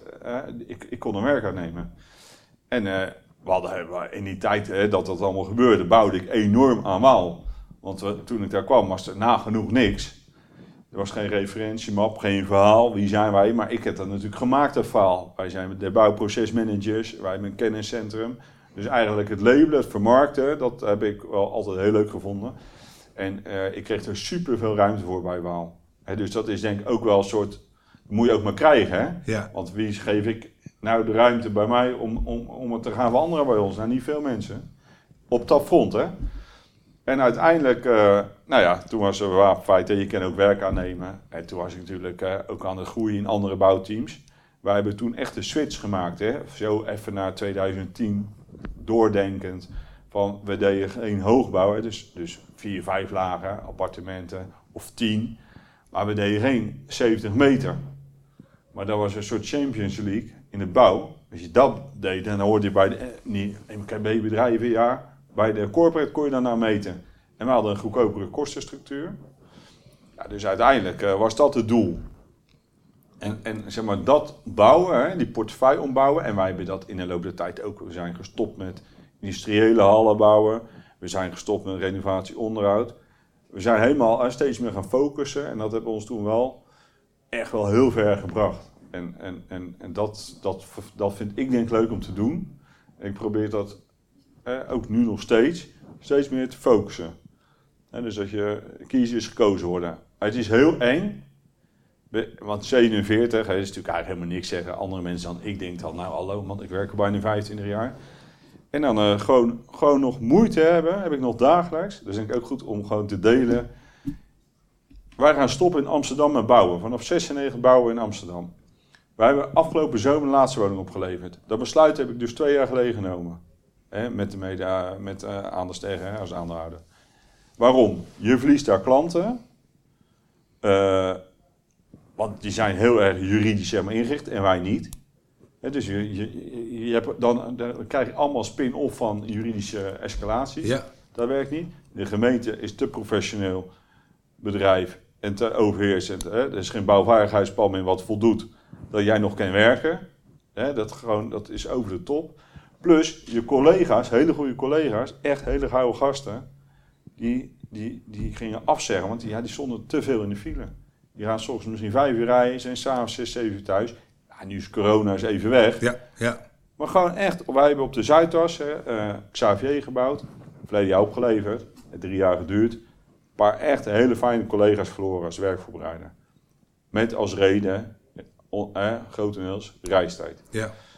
Nou, eigenlijk ben je natuurlijk best wel als ondernemer, uh, moet je veel meer kiezen. En, en, en, we hadden het over wat is dan wel eens eng. Dat is dus om te kiezen en dat te effectueren. Dus als ik niet zeg we stoppen in Amsterdam, wordt er niet gestopt. Nee. En dan hebben we dat gezegd, en dan, uh, want dat is dan mooi. Want verhaal... En dan komt er een kans voorbij waarschijnlijk. Zo, dit was het eerste gedeelte van de podcast voor DGA's. Heb jij een vraag aan deze ondernemer? Dat kan. Stuur dan een mail of een comment onder dit bericht. En dan zullen we deze doorspelen aan de ondernemer. Wil je elke week geïnspireerd raken door deze podcast? Abonneer je dan op het kanaal op YouTube, Soundcloud, Spotify, Apple Podcast, waar je deze ook maar luistert. En dan word je elke week op de hoogte gebracht als er weer een nieuwe podcast online staat. Dan gaan we nu door naar het tweede gedeelte. Eigenlijk ben je natuurlijk best wel als ondernemer, uh, moet je veel meer kiezen. En, en, en we hadden het over wat is dan wel eens eng. Dat is dus om te kiezen en dat te effectueren. Dus als ik niet zeg we stoppen in Amsterdam, wordt er niet gestopt. Nee. En dan hebben we dat gezegd, en dan, uh, want dat is dan mooi van het verhaal. komt er een kans voorbij waarschijnlijk. En sterker nog, heel veel kansen bellen ze me voor een paar honderd woningen in bouwteam. Je wilt het niet weten. En dan wat je altijd doet, hè, dus een bouwteamwerk zoeken, dus één op één zeg maar, zo'n klus opstarten. Dan ga je dan voor bedanken. Ja, en dan moet je en sterk in je schoenen staan. Maar het gekke is, dat hebben we dus gedaan, maar meer vanuit nood, omdat het ook ons geld kostte. Hè? Dus het was wel tweeledig. En uh, ja, nou hebben we eigenlijk even goede portefeuille hè, qua grootte in de regio. We hadden misschien al vijf, tien jaar eerder moeten doen, denk ik dan. Hè? Ja. Dus je bent eigenlijk als ondernemer ook soms ja, te soft. Hè? Ondanks dat je dan misschien in de markt staat van, ah, die gasten kiezen wel. En, en dat vind ik dan denk ik, hè, er is nog... Ik denk altijd een beetje gewoon, zeg maar, in... Uh, uh, in een groot, dus uh, iedereen werkt tussen 67 zo'n beetje. Dus ik ga dat ook doen gewoon. Hè. Zo, zo zie ik het voor me even nog. Ik denk gewoon, nou, in 20 jaar kan ik echt nog heel veel, hè, wat ik allemaal heb geleerd, gebruiken. Ja. Hè, want, want ja, dat is, dat is niet alleen het begin. Ik denk dat we nu veel meer leren. Ja. Ik wil nog even terug naar 2005, want wat veranderde in jouw leven, in je thuissituatie, toen je ging van, nou, je zag high potential uiteindelijk naar je kreeg, begon je met 20% aandelen? Nee, helemaal niet. Nee, joh. Ik begon met uh, 1 januari 2005 mocht ik dan uh, adjunct-directeur worden. Uh, ik kon het niet uitstaan, eerlijk gezegd. Wat is nou adjunct? Dat is er ook niks. Want dan word je in 2006 word je echt directeur. Nou, echt schoorvoeten mee akkoord gegaan. Raar is dat, hè? Maar maakt niet uit. Dus in, en in 2006 zou ik dan gaan participeren. En dan uh, conform die formule van het aannemersschilder En nou, nou, het was in mijn geval 5%. En eh, op dat moment hè, dan eh, eh, ging eh Ebert van der Wal, die al jaren ook inmiddels een directeur was, die ging ook mede participant worden. En dan ben je zeg maar nieuwe directie. Samen met Arie, want die zat natuurlijk daar eh, pas Ja. vijf, zes jaar. Dus die moest dat ook eh, accepteren. Maar dan was het ook wel van, hè, met elkaar maken we de koek groter. Ja, maar veranderde wat, niemand wil inleveren. veranderde toen wat toen jij 5%? Eh, Nou, nou, want niet kocht je die of, of verdiende je die in de loop van het jaar terug van je salaris? Of, of- Nee, die kocht ik. En, want er was wel een. het was wel zo van. ja, je, je krijgt hier niks. En, en hoe kan je ondernemen als je geen risico loopt? Dus ik heb gewoon een eh, lening afgesloten bij de Rabobank. Ik vergeet het nooit meer. Dus ik naar de Rabobank. Zegt die mevrouw. eh, ja, ik, toen had je nog gewoon loket, weet ik veel. Dan kon je je melden of zo. Ja, ik, ik, eh, ik, ik ga geen ondernemen. Dat is, ja, ik was eigenlijk helemaal geen interessante klant. En ik dacht, zo man, ik voor 5% ga ik deelnemen in een echt bedrijf. Vergeet ook nooit meer. Ga je ook nooit meer vergeten. Tot een paar jaar daarna dat het beter liep. En als je dan bellen, dat je dan eh, daar, weet ik veel, bij private cli- clients wil of zo. Hè, weet ja, wel. ja, ja. Dat is raar, hè? Dus dan denk ik ook altijd bij zulke dingen. Oh, dus je, moet ook elke klant op zijn niveau Was serieus nemen. hè? Ja, ja. Even, als, dan spiegel je dat wel weer voor je eigen. Maar in ieder geval, dus ik begon met 5%. En dat werd eh, eh, eh, pas jaren later. Ik weet niet exact 2009 of 10, pas 10. En eh, toen eh 2012, 20. En in, in, in 2014 heb ik dan eh, eh, nog eens 20% eh komen. Maar daar werd dus gewoon voor geleend. En eh, Ja. als je dan eenmaal wat had verdiend, hè, dat is natuurlijk op papier. Eh, In de boeken zeg ik dan maar. En dan kocht je er weer uitbreiding mee, dan was het weer weg. Ja, nee, maar goed, in die, want je zegt even, je, je, je stijgt zo, maar in 2009, 2011 volgens mij in 2012, eh, drie keer een uh, gezella wordt, dus dat is heel, Ja. snel, heel snel groeien. Ja. Als dan heel snel groeit, was het ook dat die hele snelle groei, dat ze dat voor een groot deel op jouw konto schoven en je daarom ook gunde dat je meer aandelen zoiets van, joh, ik heb dat gedaan, of hè, mede door mij is dat gebeurd, dus ik heb ook het recht om meer aandelen nu Nee, te ja. vergaren, te kopen. Ik denk dat beide. Dus in het begin, als je een echt minderheidsparticipant bent hè, en je doet het goed, van 5 naar 10 procent, dan kan iedereen, ook in je omgeving, eh, dat wel goed handelen. Ja. Eh, misschien van 10 naar 20 is het denk ik wel weer anders. Ehm, alleen als je zegt van eh, het ondernemerschap is wel zo bij Anders Tegger geconstrueerd. hè. Als jij een, een, eh, een aanzienlijke bijdrage levert, is het niet erg als je daar zelf een aanzienlijk deel in hebt, CQ risico loopt. Want uiteindelijk het is het is als het goed gaat leuk. Als het niet goed gaat, loop je evenveel risico. Ja. En dat is wel het idee volgens mij altijd geweest. En dat is natuurlijk ook in de loop der jaren heb ik dat wel eens even zien eh, eh, fluctueren. Het idee van hoe dat moet werken, ook bij een aansterren. Maar dat is wel denk ik ten principale het idee van eh ondernemende directies krijg je door mee te doen. Wat denk jij nu wat het, het eh, een groot verschil is tussen een ondernemer die gewoon zijn eigen bedrijf opbouwt en gewoon enige aandeelhouder is, tussen jou die altijd, nou, natuurlijk, je bent, eh, met andere mensen de eigenaar bent, dus, dus met een ander altijd moet overleggen, zeg maar. Ja, ik denk dat je wel eh, bij die laatste varianten waar ik in zit, dan moet, je, dan, dan moet je kunnen samenwerken. Je gaat er nooit helemaal alleen over. Hè? En terwijl eh, iemand, een zelfstarter, hè, die zijn eigen helemaal verder uit, uitbouwt zijn bedrijf, ja, die, die, die, die staat er alleen voor. Die haalt er misschien weer mensen bij, hè? dus die hebben meer te kiezen, denk ik. Dus ik denk wel dat je iets meer samenwerkingsmodus moet hebben. Eh, maar aan de andere kant kan je misschien ook wel, als je de goede eh ja, mede-eigenaren treft. En want het is, bij ons dan vaak eh, de meerdere mensen in het bedrijf die eh, meedoen. Eh, in ieder geval, ik heb dat dus heel lang gehad samen met de andere, met de directeur productie. Ja, dan, dan kan je ook daar wel weer op terugvallen. Dat is weer het voordeel. Kijk, en ik ben in 2015 in januari alleen in de directie komen te staan. Door het vertrek van mijn compagnon in 2014. Eh, ja, ik vond dat wel een fijn idee, hè. Want dan, dan gaan we, dan hebben we u, u, u- überhaupt niet meer van, eh, van hij vertelt dit en ik vertel dat. En de Ship Horizon is veel meer eh, hetzelfde. En dus Ja, je zou zeggen, in, in het kantoor Waal Ja. ben jij nog de enige die, zou zeggen, de scepter zwaait. Dat is duidelijk, hè? Alleen je bent gewoon. eh, ik heb me daar misschien in het verleden wel eens eh, op verkeken. Dat ik denk, hé, hey, dat lijkt me ook wel ideaal. Alleen, eh, ik heb dat zelf, eh nou, 2,5 jaar uitgehouden. Om de conclusie te trekken. Ik kan beter met nog iemand samen de sepsis zwaaien, of met z'n drieën. Want dan kan je ook zeg maar, hè, eh, nou ja, als het leuk gaat, kun je dat delen. En als, je- als je moeilijkheden hebt, kan je het ook delen. Ja. En eh, nu zitten wij weer in zo'n situatie, we hebben een driekoppige directie. Eh, dit zijn eh, ja, een iets jonger team hebben we nou, hè, want die, die mannen zijn ook een paar jaar jonger dan mij.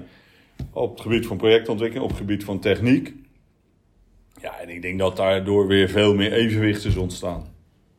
Hè, dus ik, ik, ik, ik acht het eigenlijk een betere situatie. En die zijn ook mede-eigenaar. De, nee. Dus je hebt 40% van de aandelen. Anasteg heeft nog 60%. Ja, zie, alleen, zie je eh, daar nog een verandering in eh, komen? de projectontwikkeling hebben we een nieuw bedrijf opgericht.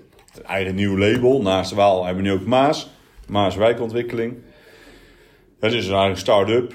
Ja. Eh, en daar doet eh, de directeur ontwikkeling is daar zeker partner in. Dus dat is hartstikke leuk, hè, want dat, dat geeft ook wel heel veel eh, eh, ja, spirit weer. En de directeur, adjunct-directeur productie, eh, die heeft zeg maar, die komen uit een niet-directierol. Die heeft de tijd zeg maar genomen, hebben met elkaar gesproken om zich in drie jaar ja, eh, helemaal ja, verder te verdiepen in die, in die directierol. Want die komt echt uit projecten. Dat is toch wel wat anders dan in een hele breedte leiding geven. En er vallen natuurlijk heel veel mensen onder de productie. En eh, om dan eh, zeg maar als volwaardig directielid mee te draaien zonder deelname. En Weet je, dat is ook wel goed Ja. afgekaderd. Ja. Ik heb nog een paar vragen aan jou, eh, eh, Johan. Want ik zie dat je je hele leven... eh, je bent dan misschien met leren een klein beetje laat op gang gekomen, zou je kunnen zeggen. Ja, Maar je hebt in 2015, eh, waar ga je naar eh, 40% van de aandelen toe en denk van, weet je wat? Ik weet nog niet genoeg en ik heb nog tijd over. eh, eh, ehm, ik ga dan toch maar mijn MBA nog eventjes doen. Dus, dus Ja.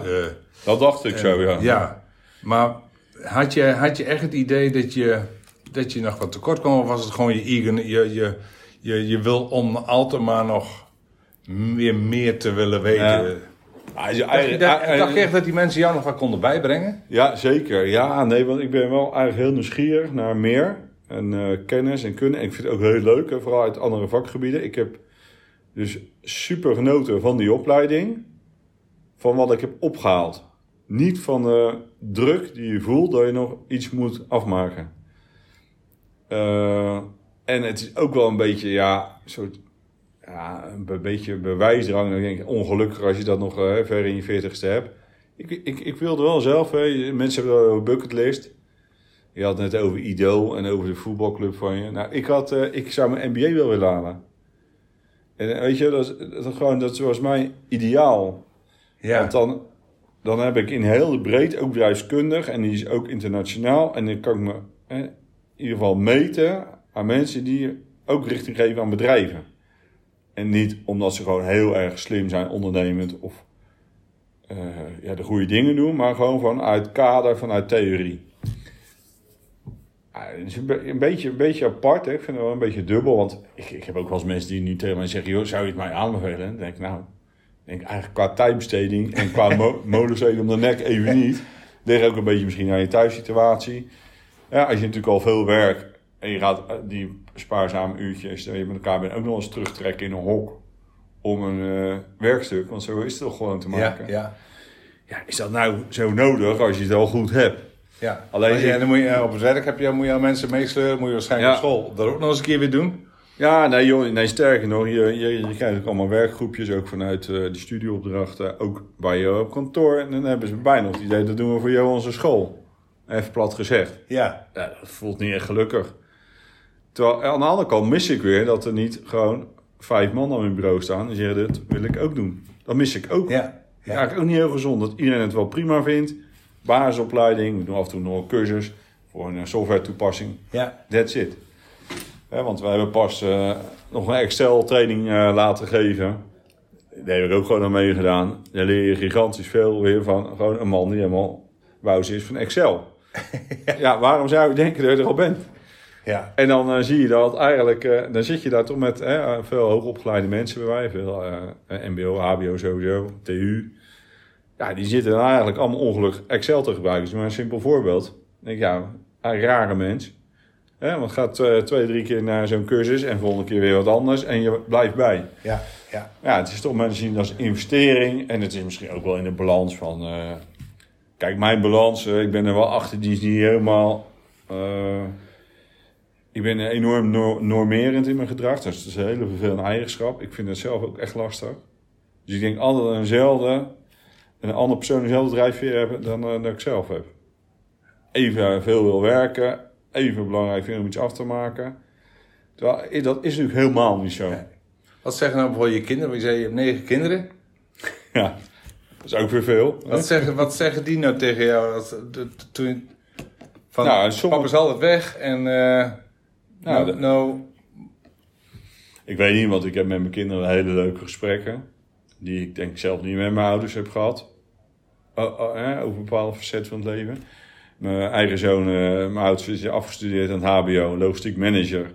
Toen ik uh, de MBA afronde, dus hij deed daar een onderzoek en ik uh, op mijn gebiedje. Nou, die, dan kun je gewoon sparren met je kind, dat is ook geweldig. Leuk, ja, leuk. Hè? dus dat, is, ja, dat geeft ook, ik weet niet, dat vind ik ook een bepaalde kwaliteit geven. ja, ik denk ook, jongens, kijk naar, naar je vader, doe nou gewoon je best op school. Loop niet zo te top als hem. En doet het nu, nu je ja, gewoon kan. Ja, ja, ja. Dus ik heb heel veel. Ja, kijk, mijn kinderen, die, ik, ik heb wel het idee, hè, en uh, je hebt natuurlijk hele goede tijden gehad. We hebben eigenlijk per definitie allemaal goed natuurlijk in West-Europa klaar. Maar we hebben ook, zeg maar, uh, moeilijke tijden gehad. Ik ook, hè. Ook na 2014 is heel die markt ingestort van de woningcorporatie. Daar bouwden wij heel veel. De omzet halveerde. Mijn partner was er net uitgestapt. Je voel je helemaal even, dan voel je alleen, hè? Want, en ook dan die last van, van ja, gaan we dat wel overleven? En, en het is natuurlijk helemaal niet zo dat je nooit boodschap hebt kunnen doen of zo, weet je wel? Maar als jij gewoon een paar miljoen afstreep, verlies hebt, ja, dat, dat, dat doet wel wat met je. Ja. En in die tijd denk ik wel eens dat ik wat witjes aan tafel zat en uh, wat uh, langer doorging. Want uh, in die zin had ik altijd energie, ook op die momenten. En dat zelfs kinderen dan zeggen, nou, wat mijn vader doet, zoiets ambieer ik niet, geef maar gewoon maar een baantje. Ja. Die heb ik ook gehoord. Ja. Vind ik wel eens jammer. Denk, want alle mooie momenten die ik dan voel, die, ja, die kan ik soms ook niet overbrengen. Maar aan de andere kant, je hoeft ook niet allemaal ondernemer te worden. Hè, dus, Nee. uh, kijk, aan de andere kant doe je denk ik ook het, hetgeen wat goed bij je past. Het zou bij mij niet passen om, wat dat voorbeeld waar we mee begonnen, van 8 tot 5, van 8 tot half 6 weg te zijn. Jaar in jaar uit hetzelfde. Dat zou gewoon bij mij niet passen. Dus ja, je moet dat denk ik ook uh, niet zo zwart-wit nemen. Ja? Nee, ik vond nog wel een paar dingen die ik las. Ik was een interview eh, in Sprout over jou en nog, nog even wat andere dingen. Ik weet niet precies uit welk blad deze, deze komt. Valkost omlaag, werkplezier omhoog.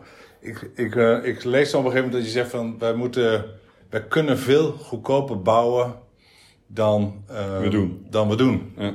Ja, ook dat je zegt van ik ben eigenlijk een beetje ik ben een bedrijf die wel een businessplan heeft, terwijl er in de bouw misschien nu wel meer bouwbedrijven dat nu ook wel hebben. Maar heel veel dingen lijk je in je tijd ver vooruit. En is het, merk je weerstand naar andere bouwondernemers dat ze zeggen, joh, Johan, doe eens even normaal? Nee, dat denk ik niet. Ik denk wel wat je zegt, dat de laatste tien jaar is een enorme ontwikkeling geweest ook, hè, en consolidatie. En daar zie je ook soort met uh, professionele gedrag zeg maar, in het ondernemen, in, in de bouwsector. Alleen wat ik wel merk, hè, dat als wij zeg maar, daar heb ik het al over notabene vijf, zes jaar geleden, hè, dat er een marktsegment uitviel. Toen hebben wij ons herpakt op een ander marktsegment. Dat is eigenlijk verkeerd uitgepakt.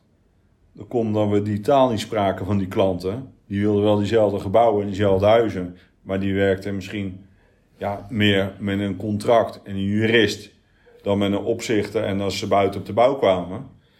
Dus ja, moet je dat zeggen, weet je. Ik merk, we waren wel voorloper. En je krijgt ook wel, vind ik, eh, enorme knauw als je dan, eh, zeg maar, en iets eh, niet voorziens eh, eh, ja, onderweg meemaakt. En dan ben je gewoon weer een paar jaar achter, eh, achterop. En dan moet je wel, vind ik, je moet enorm veervermogen hebben. Hè? Om dan zeggen, nou, weet je wat, eh, trek de handschoenen aan, we gaan dan gewoon weer opbouwen. Dus eh, die, voorsprong hebben we denk ik wel, die is groter geweest dan dat die nu is. En het is nu veel gebruikelijker. Hè, dat wij, zijn heel vooruitgeschreven in, in Lean eh, toepassen, in, in BIM-technologieën, bouwinformatiemodel.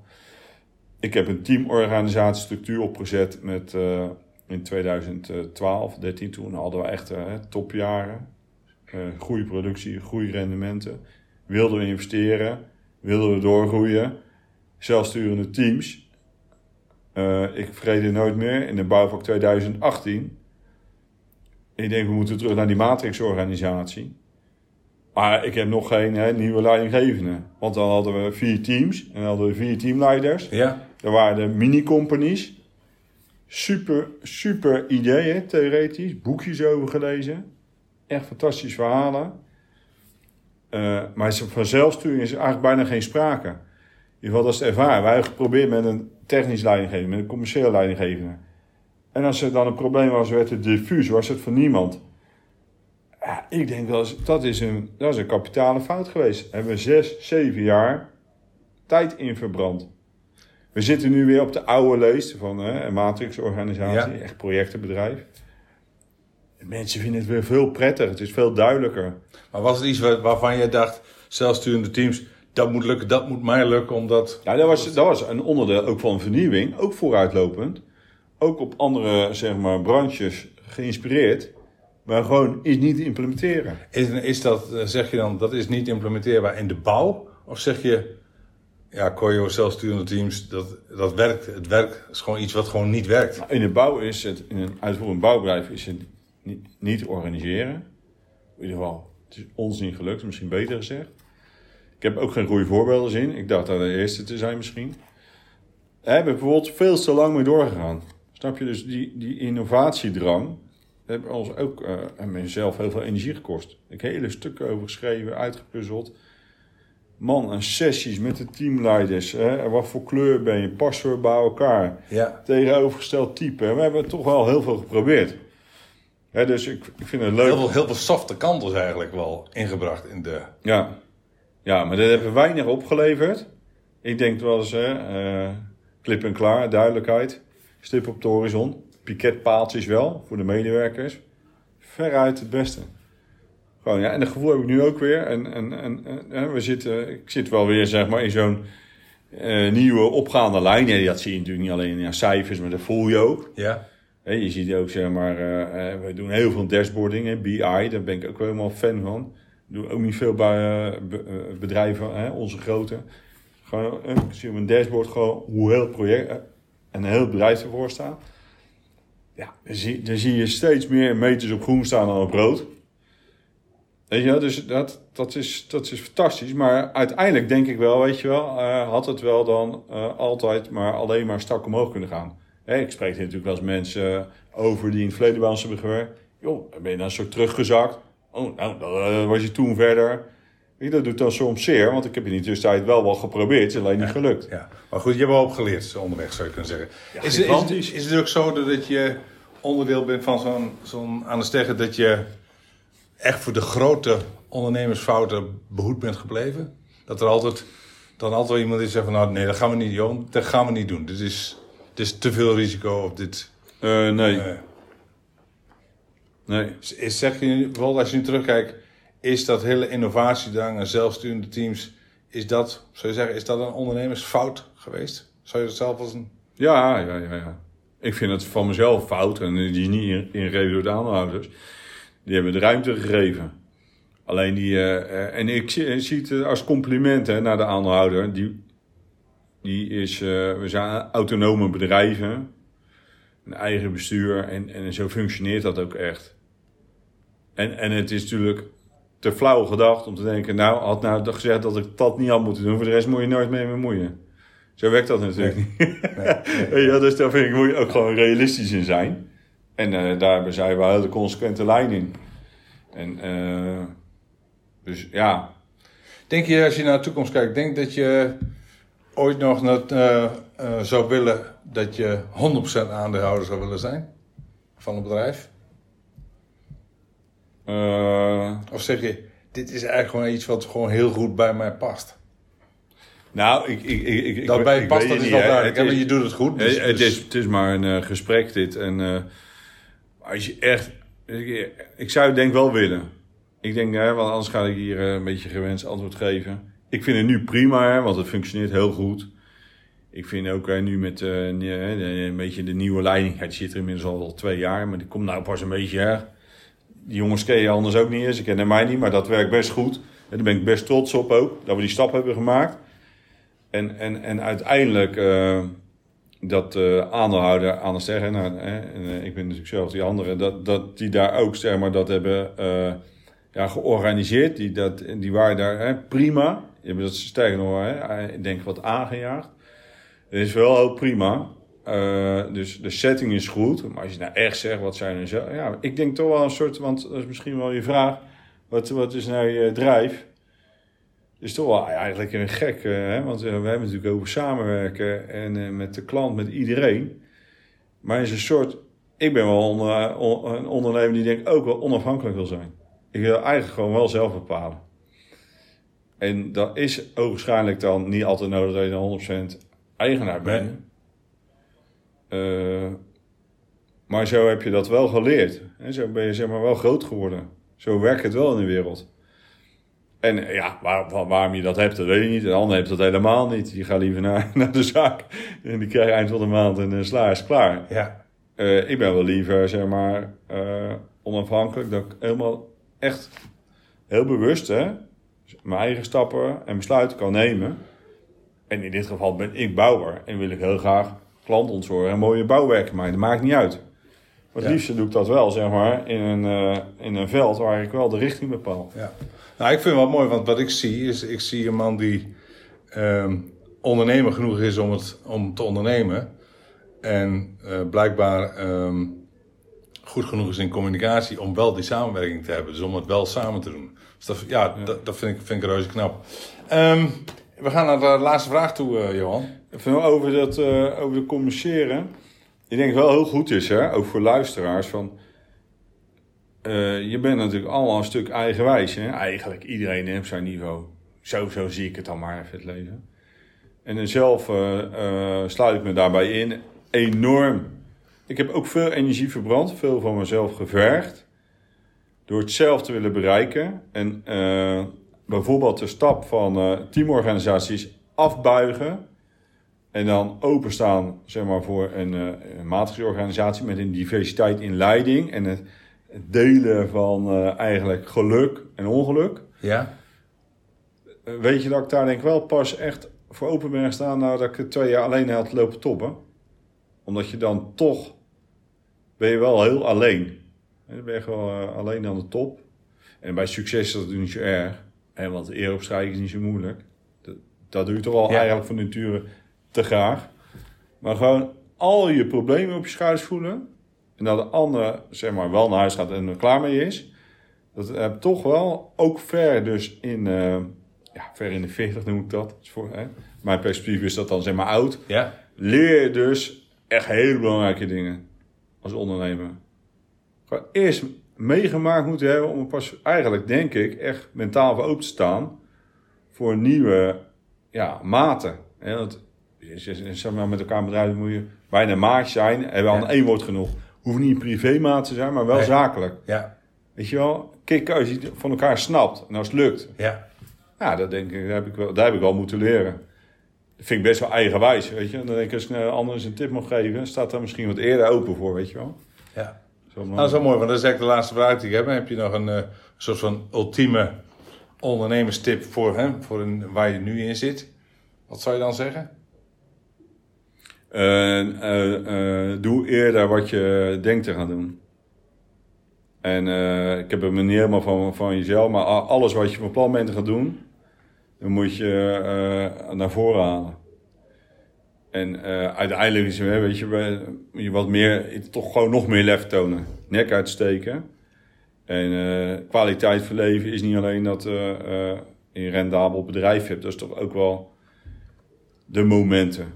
Eerder trouw zijn aan je onderbuikgevoel? Ja, misschien wel. Ja, en dan, en dan ook daar eventuele risico's die daar dan bij, bij, bij naar boven komen, accepteren. En niet alleen pas durven als je als je je safe eh, voelt. Ja. En dan zijn we nu aangekomen aan het einde van deze podcast voor DGA's. Wil je regelmatig geïnspireerd worden door de verhalen van andere DGA's? Abonneer je dan op deze podcast. Ben je DGA en wil je wel eens verder praten over de onderwerpen die je gehoord hebt? Dan maak ik graag een afspraak met je. Je weet mij vast wel te vinden. Voor nu zeg ik, ik wens je nog een fijne dag. Hoi!